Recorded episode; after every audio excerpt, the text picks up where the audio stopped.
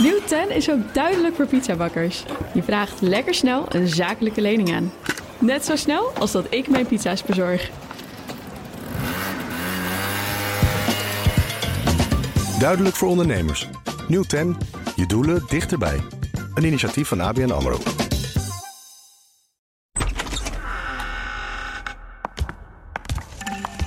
Let's do it. Hoe lang had je nou geslapen? Ik heb uh, vier, vier, vier en een half uur, bijna vijf. Zo, ik, precies het moment dat ik in slaap viel, weet ik niet meer. Maar zo rond die koers heb ik geslapen. Oh, dat was wel laat, hè, gisteravond? Het was wel laat, ja. En, uh, was het je eerste nacht eigenlijk, of had je al eerder zoiets gedaan? Nee, in maart heb ik het, tijdje ingevallen in Den Haag ook. En toen uh, heb ik nog het allereerste coronadebat gedaan. En dat werd ook zo laat. Toen was nog de discussie, moeten de scholen dicht of niet. En dat Rutte zei, ik wil ze wel dicht doen, maar mijn adviseurs zeggen, ik moet het niet doen. Dat was toen in maart. En toen ben ik ook oh, een keer tot diep in de nacht. Uh, dus dat was niet uh, helemaal de eerste keer. Ik vind het wel bijzonder nog steeds hoor, dat, die, dat je er zo s'nachts dat kamergebouw uitloopt. Gaan we het zo uitgebreid over hebben, denk ik. Uh, laat ik even zeggen dat dit Nieuwsroom Den Haag is van 18 december 2020. En je hoort uh, ja, niet Laurens Boven, maar vanaf nu hoor je in deze podcast als vaste stem Thomas van Groningen en Sophie van Leeuwen. Jij bent er ook. Hi en welkom Thomas. Dank u. Mag ik trouwens uh, gelijk even met de eerste strijken vandaag? Ja, doe. Uh, want uh, ik nou, ben koud een paar weken begonnen in Den Haag. En ik maak meteen een onderdeel uit van de handelingen van de Tweede Kamer sinds vannacht. Oh, vertel. Serieus, wat is er gebeurd? Ik had een hele lange speech voorbereid, meneer Klaver. En het is. ja, ik heb een nou, hele lange speech. En het gekke is, ik wist dit, maar ik was, ik, ik zat niet, niet, was niet bewust waarom ik op de tribune was gaan zitten. Maar ik zat op de publieke tribune. En uh, de laatste debat voor het kerstreces, dan houdt uh, voorzitter Ariep altijd een praatje. En dat deed ze nu ook. En er zaten nog drie journalisten op de, op de publieke tribune. En dus werden we even genoemd. En ik zie drie journalisten op de publieke tribune. Ja. Ja. ja. Lemia Aharwai. Thomas van Groningen. Lemia Aharwai van NRC. Thomas van Groningen van BNR. En Auke van IJzen van het Nederlands Dagblad. Fijn dat jullie er zijn. En uh, nou ja, ook jullie hebben hard gewerkt. Het was ook niet makkelijk omdat er bijna geen Kamerleden waren op een gegeven moment. Dus jullie moesten op zoek gaan naar, nieuws. Dus ik hoorde jullie ook op radio kla klagen over het feit dat de Kamer niet vaak bij elkaar kwam. Maar volgens mij hebben jullie dat dubbel en dwars ingehaald als al die pod podcasts. Dat zou ik alweer een beetje uh, uh, beluisteren. Wat een masselaar op je eerste nacht in Den Haag. Goed gedaan. Ja, dank u. Dank u. Voor we echt helemaal gaan beginnen, ga ik even eerst vertellen dat deze podcast wordt mogelijk gemaakt door ABN Amro. Die willen hun eigen podcast onder de aandacht brengen, maar luister eerst even naar deze.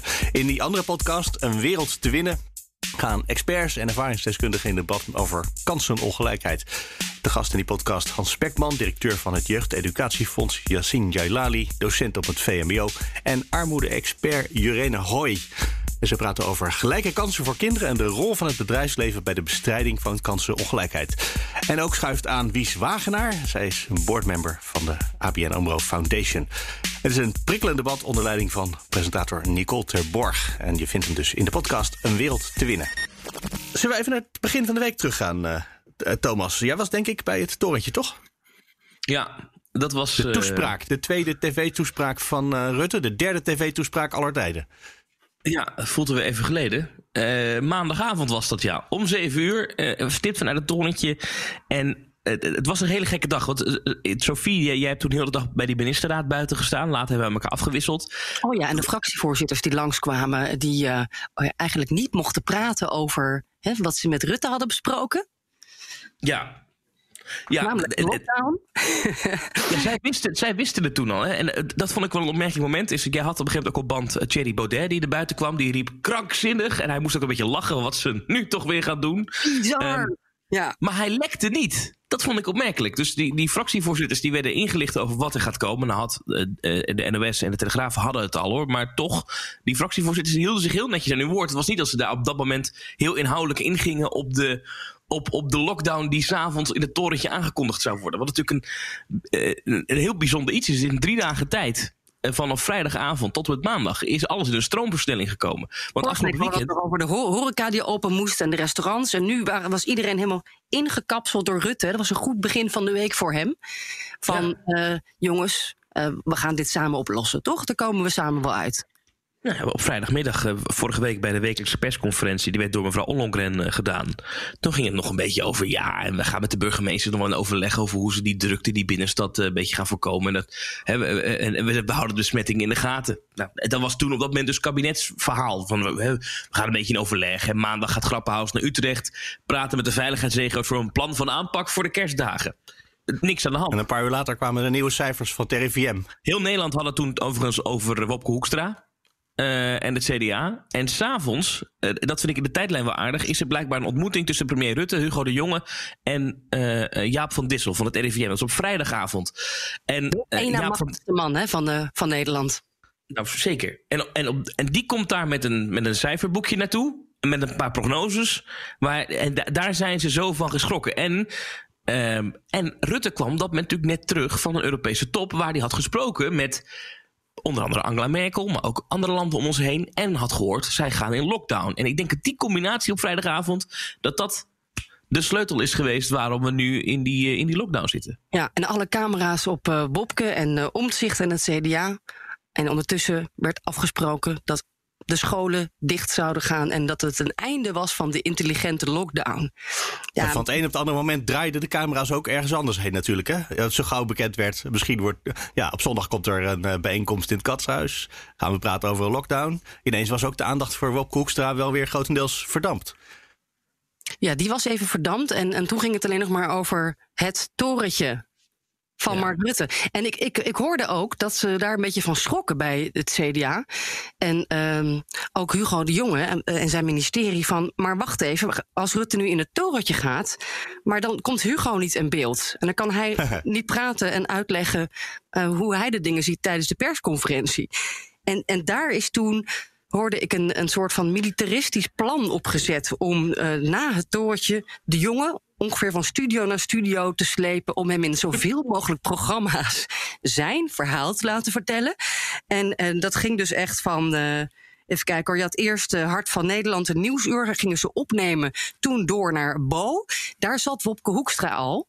Um, want die was natuurlijk eerder in het nieuws. En toen heeft VWS, Volksgezondheid, Bo opgebeld. Uh, ja, mag Hugo er ook bij? Ja, nou vooruit. Hugo mag er ook bij. Daarna door naar het Oog van Morgen. Om dan toch hè, dat verhaal van, uh, van Hugo nog even zeker te stellen dat niet alle aandacht naar Mark Rutte zou gaan. Zo begon Maar zeg je nu dat het ministerie van Volksgezondheid eigenlijk een CDA-campagne aan het voeren was voor Hugo de Jonge? Of hoor ik dat net een beetje verkeerd nog?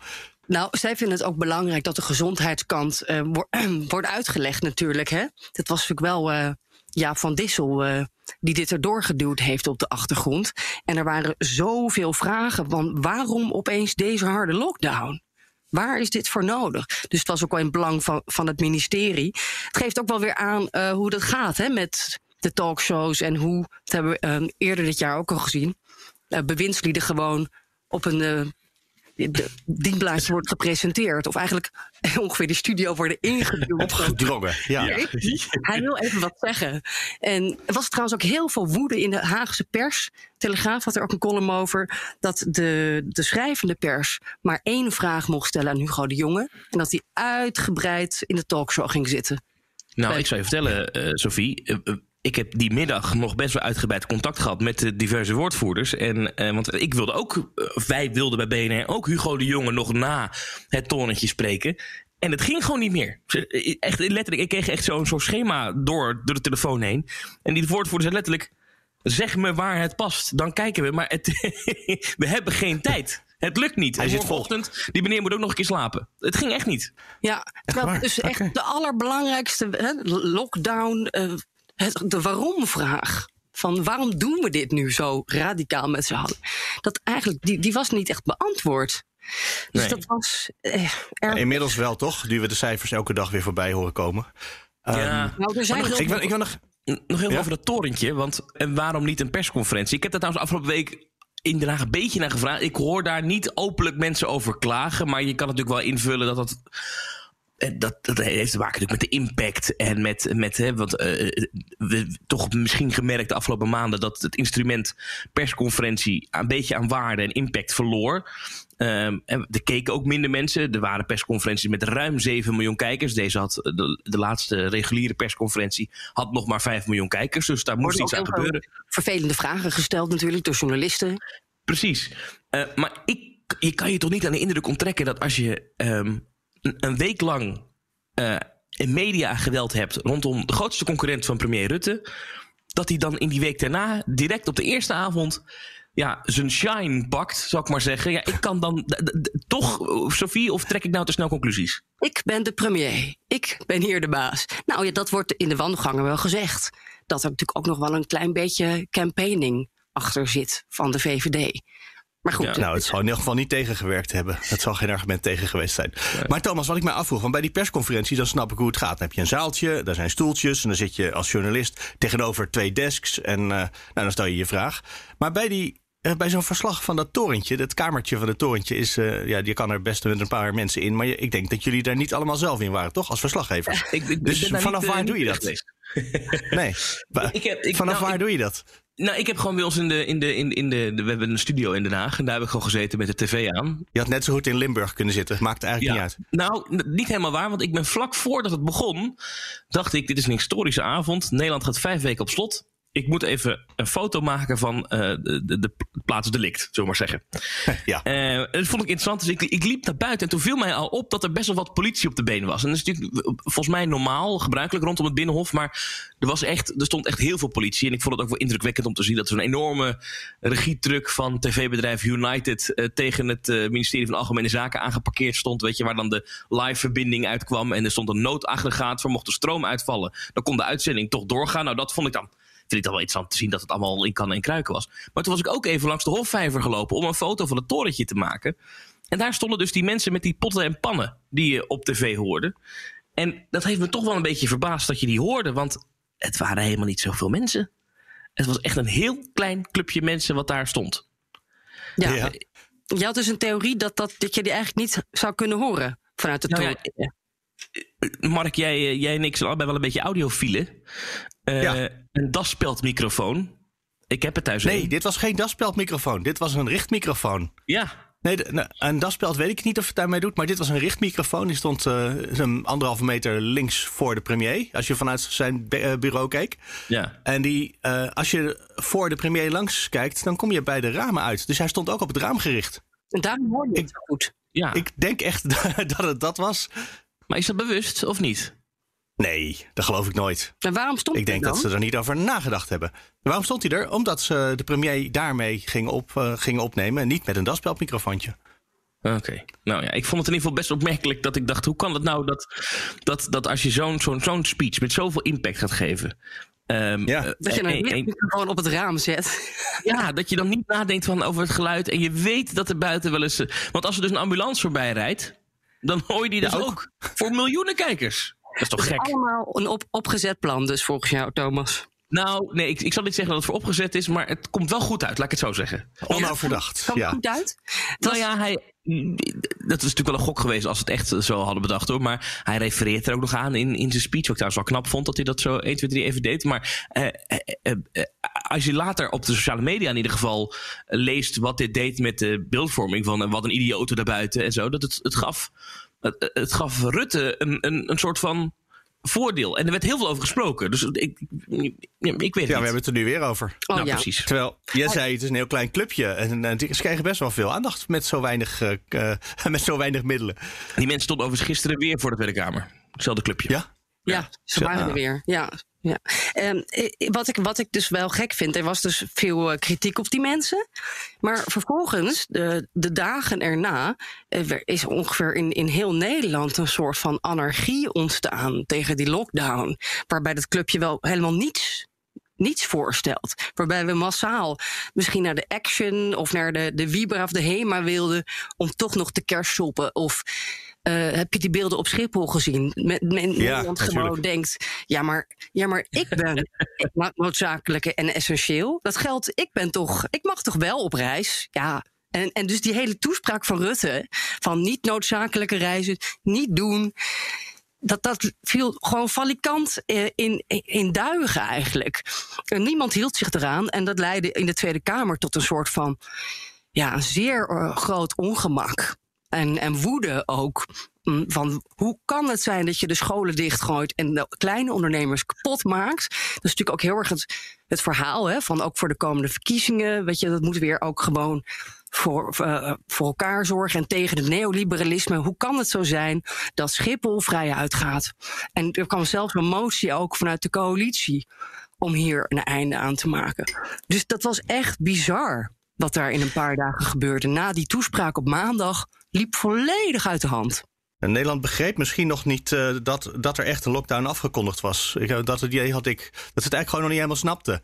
Want, uh, want we waren toch al in, in lockdown sinds maart. En uh, ja, het was al een beetje verlichtigd, maar verluchtigd, hoe heet dat? De, de, de regels waren al verlicht. maar ja, je moet natuurlijk wel voor de kerstspullen naar de action. Dat snapt iedereen. Trouwens, de action wilde ook open. Ja, maar dat is toch ook typisch Nederlands, Mark. Dat je dus, er komt op rijksoverheid.nl een lijst met deze winkels mogen wel open. Winkels die deze dienstverlening hebben, zoals bijvoorbeeld reparaties, dat mag ook nog. Dit mag open, de rest geen discussie, sluit. En dat je dan in de dagen daarna ontstaat er dan in Nederland een discussie over. Ja, maar wat nou als ik uh, mijn winkel een deel doet van wat andere winkels die, op die wel op die lijst staan uh, doen? Ja. Mag ik dan ook open? En het is dan ook wel weer oer-Hollandse politiek volgens mij, eh, Sophie. Dat dan uh, de, de, regering zegt. Nou, daar gaan we nog eens een afspraak over maken. Hoeveel procent moet je voldoen aan het zijn van de winkel op deze lijst? Wil je open kunnen? In plaats van ja. dat je zegt 100% punt. Geen gedoe. Als je geen supermarkt bent, blijf je dicht. Nee toch weer dat compromis zoeken. Van nou ja, als je 70% essentieel bent. ja, ik moet, er een beetje om lachen van de week. En de lobby ja, in de polder. De lobby in de polder. Want de telefoon bij, of de appjes bij uh, economische zaken. Dat, dat stond rood gloeiend natuurlijk. Van ja, maar, ja, maar wij, wij mogen toch wel open? Wij zijn toch essentieel? Ja, ik hoorde bij Nieuwsuur volgens mij dat uh, eh, EZK, het ministerie van Economische Zaken, dat die ook uh, nadat alles geregeld was, voor zichzelf gewoon nog een paar regels hadden toegevoegd. Uh, om alles wat makkelijker open toch te kunnen laten gaan. Heb jij daar iets van meegekregen, Sophie? Nou, dat heb ik even gemist hoor, Mark. Maar wat, wat ja? doe je precies? Nou ja, dat is voor een deel de chaos ook door het ministerie van Economische Zaken was veroorzaakt. Doordat nadat er eerst een consensus was over wat de regels moesten zijn, dat daarna economische zaken, iedereen die belde, nog wat extra regels meegaf. Zei, nou ja, jullie kunnen wel open, doe ons gewoon wat plastic voor die kleding en zo. En dan, ja. Uh, ja, nou, dus dat het ook gewoon het ministerie is wat dat in gang gezet heeft, deze chaos. Nou, sowieso uh, is, was er geen, er was ook geen lijst met essentiële producten. Dus het was to totaal niet te controleren of je nou 30 of 40 procent noodzakelijke of essentiële spullen in huis hebt. Dus dat was een deel van de chaos. En vervolgens is op de achtergrond nog enorm geappt natuurlijk van ja, maar als ik deze lijst lees, mag ik dan toch wel open? En is daar uh, volgens de Action toestemming gegeven? Nou, dat ontkende economische zaken dan weer. Maar uh, ja, en ze zijn natuurlijk ook al weken bezig hè, om te proberen meer ruimte te, te geven aan de bedrijven en de ondernemers bij, uh, ja. bij het ministerie. En dat, dat werd dus nu toch wel even flink de kop ingeslagen.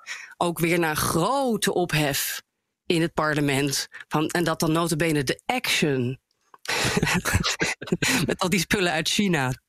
Dat die dan wel open mogen. Dat was wel het slechtste beeld wat je kunt bedenken, hè, politiek gezien in Den Haag, wat je je kon voorstellen. Dat, dat iedereen thuis zit vijf weken met zijn kinderen en niet kan werken. En die ZZP'ers die eraan gaan. En dat dan de action open mag. Ja, dat was... Fijne winkel wel hoor trouwens. Oh, ja. maar, uh, maar er waren een hoop conceptgedachtegangen weer vanuit het ministerie van Economische Zaken aan de telefoon blijkbaar richting die bedrijven. Maar on the record... Conceptgedachtegangen. Uh, ja, ja. ja, on the record en off the record. Ja. Vervolgens uh, moest justitie het gaan handhaven en weer Grapperhaus boos.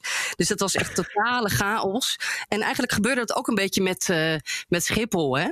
Dus uh, in, in, het coronadebat uh, werd Rutte onder druk gezet van doe iets tegen die noodzakelijke reizen. Dus noods een vliegverbod. Ze hadden een paar regeltjes afgesproken dat je uh, afstand moet houden en handhaving. En dat werkte allemaal niet. En ook Segers boos. Nou ja, goed, de, de linkse oppositie natuurlijk, maar ook, ook Pieter Heerma.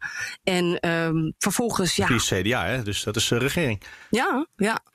Um, en, en vervolgens uh, de volgende dag weer een foto uh, in de media van ontzettend veel mensen op die luchthaven die gewoon lekker op vakantie gaan. En dat beeld, ja, dat, dat ook binnen de coalitie uh, hebben ze wel door dat dat hen heel veel politieke schade kan brengen. Ik heb ook wel een beetje genoten van uh, Dick Benschop trouwens, de baas van Schiphol uh, in de media.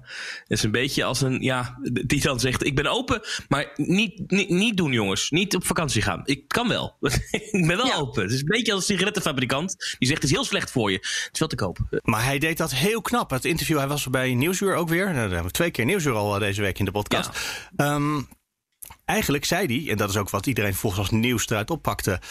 Je moet maar niet vliegen als het niet nodig is. Want dat is de oproep van de regering. Hij heeft niet één keer letterlijk gezegd: mensen moeten niet vliegen of mensen moeten niet op reis. Hij zei steeds: het is heel belangrijk. We hebben een oproep vanuit de regering. Ik ondersteun die oproep. We moeten allemaal meedoen, de adviezen volgen. Uh, daar zit nog niet in dat je niet ah. mag reizen. Daar zit nog niet in: ga niet vliegen. Er is een duidelijk advies uh, om niet te reizen. Alleen als het noodzakelijk is. Dus ook een oproep aan mensen om dat te volgen. Hij is niet één keer heeft hij een zinnetje gezegd wat echt gewoon de quote in zich heeft: Schipholbaas zegt niet vliegen.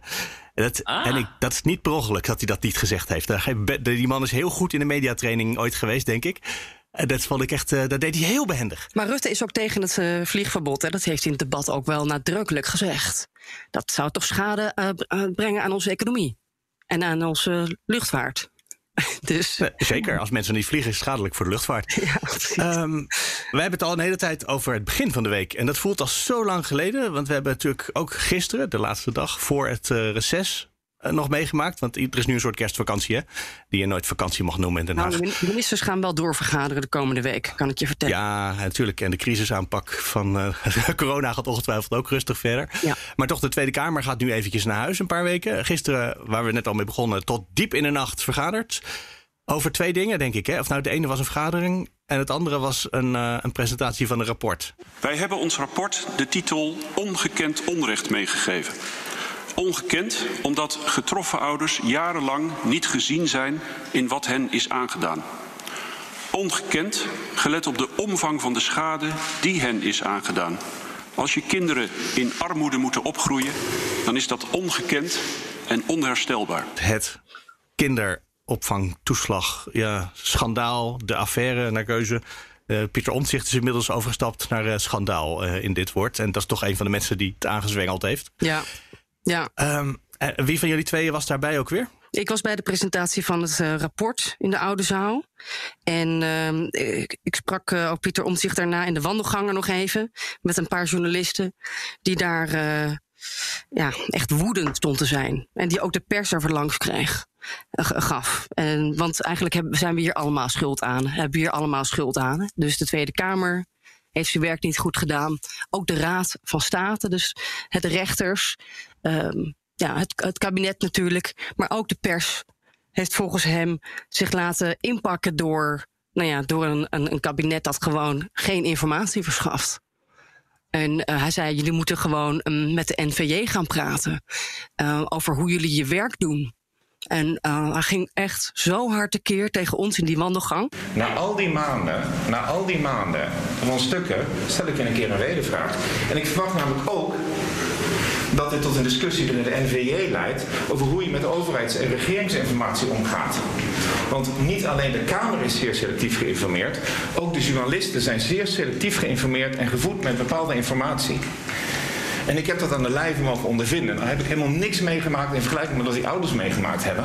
Maar er is hier in de rechtsstaat, in het politieke proces, behoorlijk wat kapot gegaan. Tot op de dag van vandaag vertikt het kabinet om stukken naar ons te sturen. Dus de cruciale memo van de landsadvocaat uit 2009, waarin de landsadvocaat zegt u moet proportioneel terugvorderen en niet als iemand een fout van 100 euro maakt 10.000 euro terugvorderen. Het in het rapport geschreven. Maar wij krijgen hem niet omdat het in het belang van de staat zou zijn om hem niet te verschaffen. Het kabinet moet het belang van het kabinet en het belang van de staat niet als één en hetzelfde zien. Wat had hij gedacht dat uh, journalisten in deze uh, door de overheid georganiseerde crisis echt hadden kunnen doen. Ja, dan hadden natuurlijk veel meer persoonlijke verhalen gemaakt kunnen worden. Nou ja, zijn aantijging is dat wij dus veel te makkelijk hè, de quotes, de makkelijke quotes van het kabinet gewoon opnemen, opvangen, opschrijven, een kop in de krant, nieuwsverhaal. Wat jij nu met omzicht hebt gedaan. Ja. Als ik even een jijbak ervan maak. Ja. Ehm, En ehm, nou ja, dat is ook ehm, nou ja, dat is dus een beetje de conclusie van, eh, van het rapport van de toeslagenaffaire. Hè? Dat dit, het, het hele systeem heeft gefaald. Er moeten misschien koppen rollen. Maar eh, ja, wij moeten onszelf in de spiegel gaan kijken. En de Tweede Kamer. eh, dus ook. En dat was interessant ook in het debat, denk ik, gisteravond, eh, Thomas. Dat je eigenlijk meteen weer zag dat er een Tweede Kamer eh, over vaccins met Hugo de Jonge stond eh, te debatteren. En, en keihard eh, hem aanviel op ehm, dat het sneller moest met het vaccin. En ja, maar als de uitvoering niet meteen lukt, haast maken. Waarom zijn wij later, een week later of een paar dagen dan de rest? Dus ik, ik had ook een beetje de indruk, jij hebt het debat gevolgd, Thomas, dat we er ook een paar uur na de presentatie van het rapport wel bar weinig hebben geleerd. Nou, dat is wel een interessante conclusie, ja. Want het is wel uh, iets wat de jongen gisteravond echt vaak, uh, uh, soms in een bijzin, maar echt tussen neus en lippen door, echt vaak gezegd heeft, is dat de uitvoeringsorganisaties die dat vaccin moeten gaan doen, in dit geval dus de GGD's, die geven aan, het kan niet eerder dan dit, dit is de juiste weg, zo moeten we het doen. En dan blijft de Kamer maar, ja maar Duitsland, ja maar België, ja maar Verenigd Koninkrijk. Um, en dan komt heel vaak de vraag waarom zij wel sneller. Daar heeft hij ook een antwoord op, namelijk dat het Verenigd Koninkrijk en andere landen ook een beetje aan symboolprikken doen. Uh, dus dat ze nu wat groepjes prikken en dan later pas echt van start gaan. Uh, en daarvan zegt hij, daar hebben we het over gehad intern. Wij vinden het niet verstandig om dat te doen. Dus wij beginnen op 18 januari. Heeft verder geen gevolgen voor leveringen, noem maar op. Uh, dat, dat heeft hij meer. Hij zegt op een gegeven moment zelfs, dat heb ik nu al 33 keer uitgelegd, zei hij. Maar dat is interessant. Hij, hij bleef dat zeggen. En, en de Kamer bleef inderdaad, dat is wel een interessante parallel die je trekt, bleef inderdaad maar roepen. Ja, maar, ja, maar. Uh, je zou kunnen zeggen, is dat met die fraudebestrijding destijds helemaal aan het begin ook niet geweest? Hè? Dat uh, destijds Wekers, denk ik nog, uh, zei: Nou ja, het, het, wordt wel heel hard zo op deze manier. En dat de Kamer daar dan toch, ja, maar we moeten mensen toch niet weg laten komen met fraude. Uh, ja. En dat, dat, en, dat, dat dan. De uitvoeringsproblemen was niet het probleem van de Tweede Kamer. En meestal is het ook met de jongen zo dat de jongen altijd sneller wil. Uh, en, en dat dan blijkt dat hij te optimistisch was. En nu stond hij een keer op de rem. Dat was ook wel interessant. En toen moest ja. het van de Kamer weer sneller. Dus ja, nou ja, niet om het per se op te nemen voor Hugo de Jonge, maar de Tweede Kamer moet zichzelf natuurlijk ook in de spiegel kunnen kijken. Uh, in de toeslagenaffaire en ook als het gaat om de coronapandemie. Ja, en toch heb ik ook de jongen horen zeggen... nu gaat u wel heel diep de uitvoering in... waar volgens mij uh, Klaver van GroenLinks tegen zei... hé, hey, daar hebben we vanmiddag net een rapport over gelezen. Uh, daarin staat dat we ons soms misschien meer over de uitvoering... Uh, moeten zorgen maken. Uiteindelijk werken we natuurlijk aan een centraal register. Want dat is belangrijk namelijk, omdat je via dat centraal register uh, goed toezicht kunt houden op de veiligheid. Als er een badge is die onveilig is, dan kun je snel opsporen wie het heeft gekregen. Je kunt uh, zicht houden op de vaccinatiegraad. Dus dat centraal register is echt wel uh, van groot belang. Maar een aantal andere systemen moeten kunnen praten met dat centraal register. En de discussie gaat niet zozeer over de techniek ervan, maar gaat eigenlijk over de voorwaarden waaronder uh, die gegevens worden gedeeld. Daar gaat met name de discussie over. En uh, als het echt helemaal over de IT-techniek gaat, de vraag van de heer Klaver zou ik echt willen vragen. Uh, geef me de gelegenheid om dat schriftelijk toe te lichten. En ook laat u zichzelf informeren in de volgende technische briefing over met name de IT-kant. Dat, dat is volgens mij heel erg goed om te doen, want het is echt zo'n uitvoeringskwestie. Maar de, de, echte discussie gaat niet zozeer over de techniek, maar gaat daar over de, de opt-in. En over de wijze waarop informed consent wordt ingebouwd in het systeem en de wijze waarop gegevens worden gedeeld tussen de decentrale uitvoerder en het centrale register. De heer Klaver. Voorzitter, uh, vandaag is er een belangrijk rapport gepresenteerd, onderzocht door de Kamer. En als we daar volgens mij één les uit mogen trekken, is dat uitvoering ertoe doet. En dat we daar de minister niet moet verwijzen naar een technische briefing, waar ik naar uitkijk, om het daar ook nog verder over te hebben, maar deze minister verantwoordelijk is of het goed komt in die uitvoering. En ik stel daar ook een politieke vraag over. Daar zit techniek achter, maar ook een politieke vraag over. En daar moet de minister antwoord op geven. Wat hier natuurlijk gebeurt dan, is dan dat, dat uh, um, de jongen gewoon geïrriteerd raakte. Uh, op een gegeven moment werd het geëmmer over een IT-systeem. Uh, is er een IT-systeem waarin vaccinaties geregistreerd worden?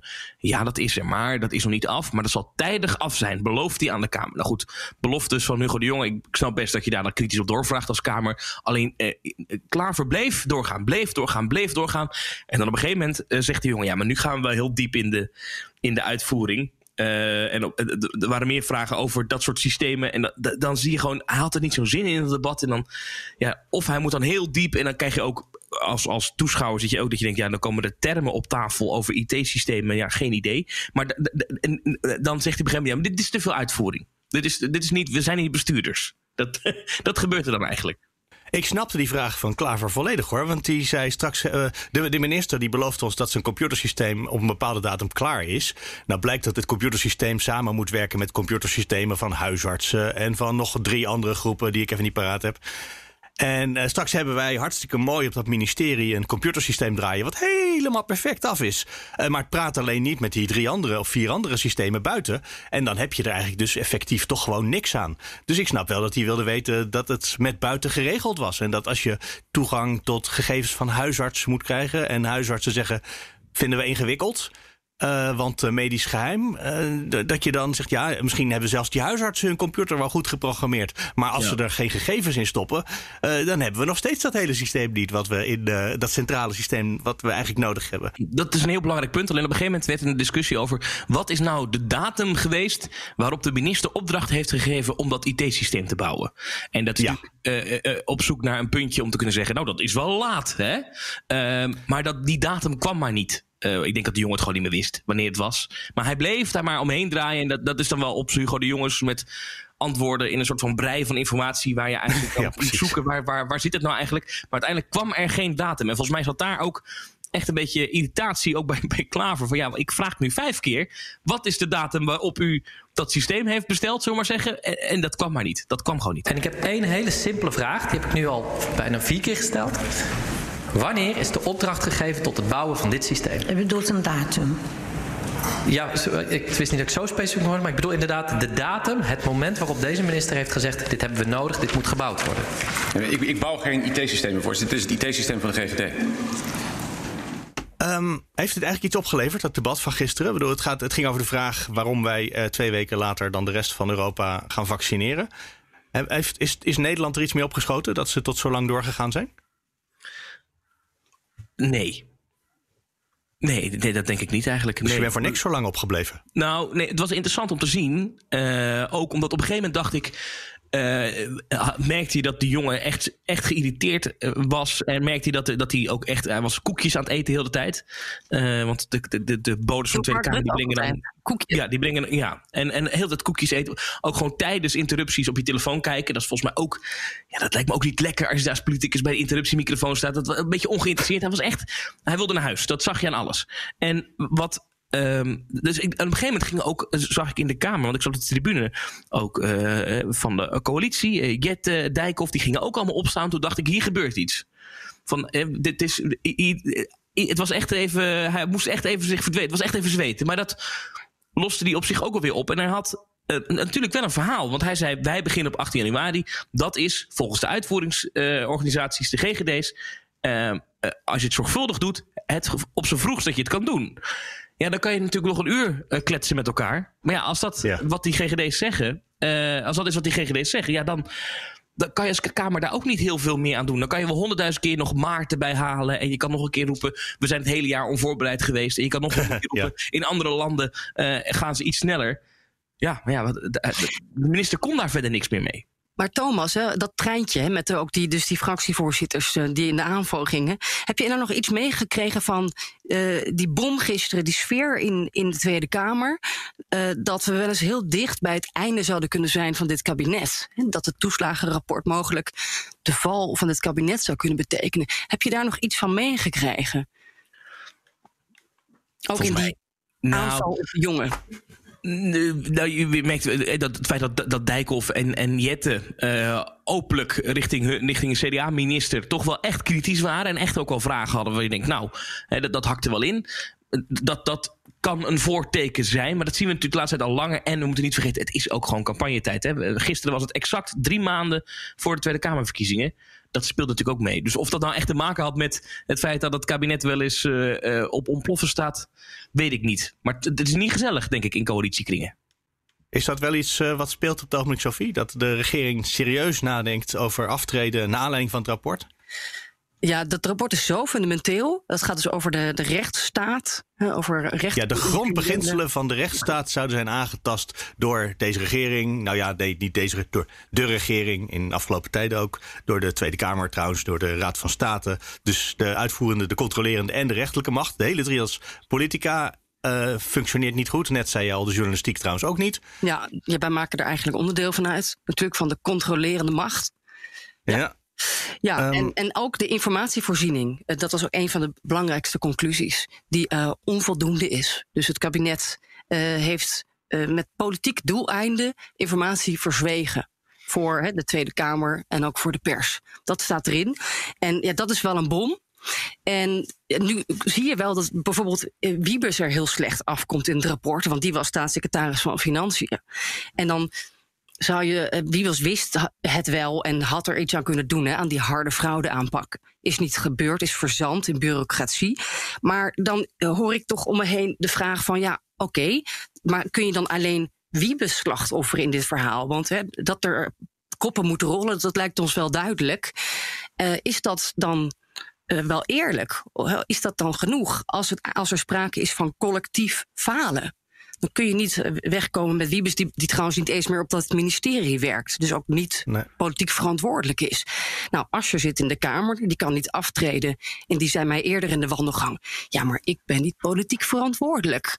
Dacht ik, ja. ja. Ja. Feitelijk gelijk. Jij uh, komt er dan mee weg. Uh, vervolgens uh, Rutte ja, hij heeft ook kort gereageerd, noemt het heel heftig. Um, was tien jaar lang premier. Die moet zichzelf ook in de spiegel kijken. Juist omdat er veel kritiek is op die informatievoorziening. Hè. Dat komt allemaal voort uit die Rutte-doctrine waar we het eerder over hadden. Dat hij ook degene is die bepaalde memo's niet naar buiten wil hebben. Want dat is allemaal ambtelijk en vertrouwelijk. Ja, sterker, hij is van het ministerie dat geen notulen maakt van gesprekken. Uh, dus uh, als er één ministerie is wat tot nu toe alles binnen de Kamer houdt, wat gewoon, het is niet opgeschreven. Met het uh, argument, nou, dat is zijn ministerie. En we hebben niet genoeg personeel. Ja, dat is. Dat, dat wordt een beetje moeilijk, denk ik, in dit verhaal, waarbij dus ja, dus Wiebes ligt als persoon onder vuur. Maar als hij zou moeten aftreden, dan zou het eigenlijk de minister van uh, Financiën moeten zijn. Uh, dat is Wopke Hoekstra. Uh, dat is natuurlijk niet iets wat je nu. Dat ligt helemaal niet voor de hand dat dat nu gaat gebeuren. Dus als het knapt, dan moet de hele regering naar, naar huis gaan. In het katshuis gaan ze daar volgende week over praten. Um, en en ik, ik denk dat. Um, het helemaal niet zo'n slecht scenario is om te zeggen: we zijn allemaal verantwoordelijk. Dus uh, wij nemen gezamenlijk verantwoordelijkheid.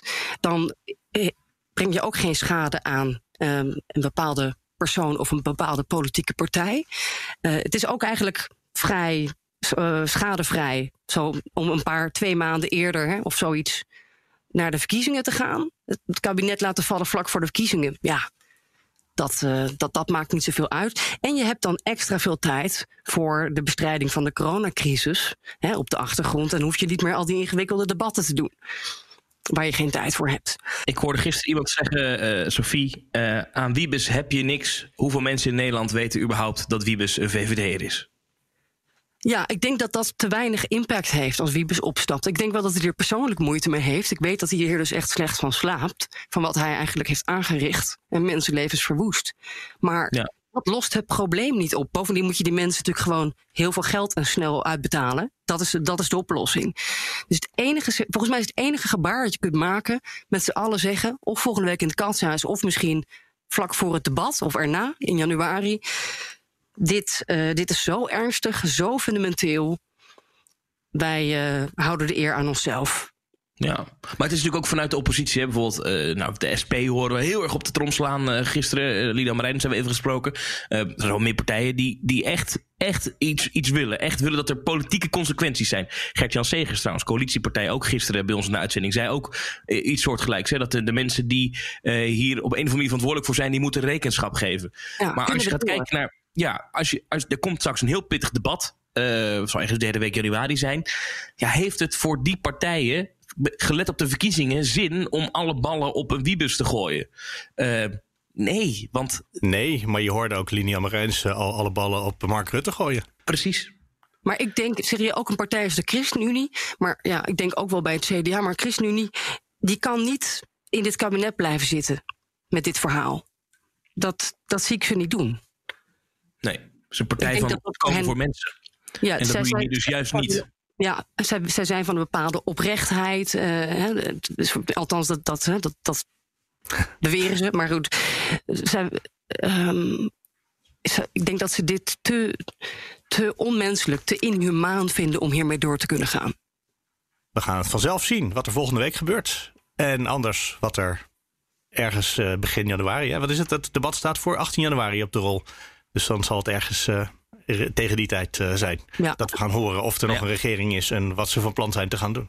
Maar als ze Ja. snel de angel eruit willen halen, komende week eh, komen ze al op het katshuis bij elkaar, het kabinet. En als je gewoon even spindoktert, hier even openlijk, dan zou je kunnen zeggen, als je nou voor kerst dat nog even doet, even, even door de zure appel heen bijten voor kerst en zeggen, Is iedereen daarna dan, weer dan vergeten. is de angel al lang uit dat debat.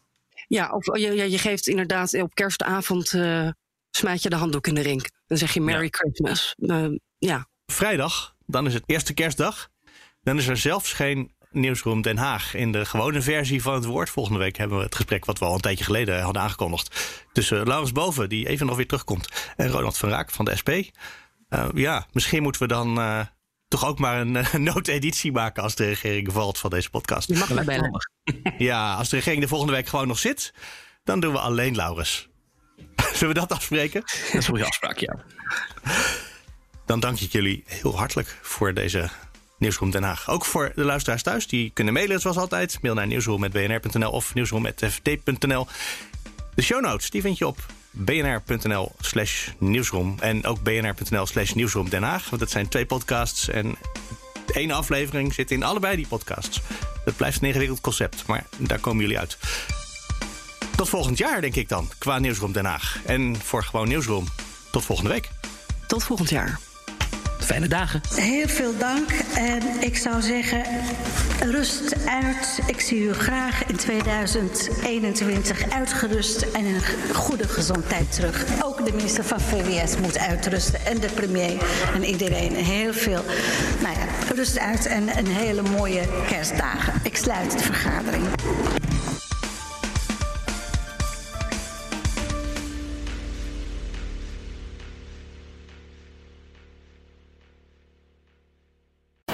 Nieuw 10 is ook duidelijk voor pizzabakkers. Je vraagt lekker snel een zakelijke lening aan. Net zo snel als dat ik mijn pizza's bezorg. Duidelijk voor ondernemers. Nieuw 10, je doelen dichterbij. Een initiatief van ABN AMRO.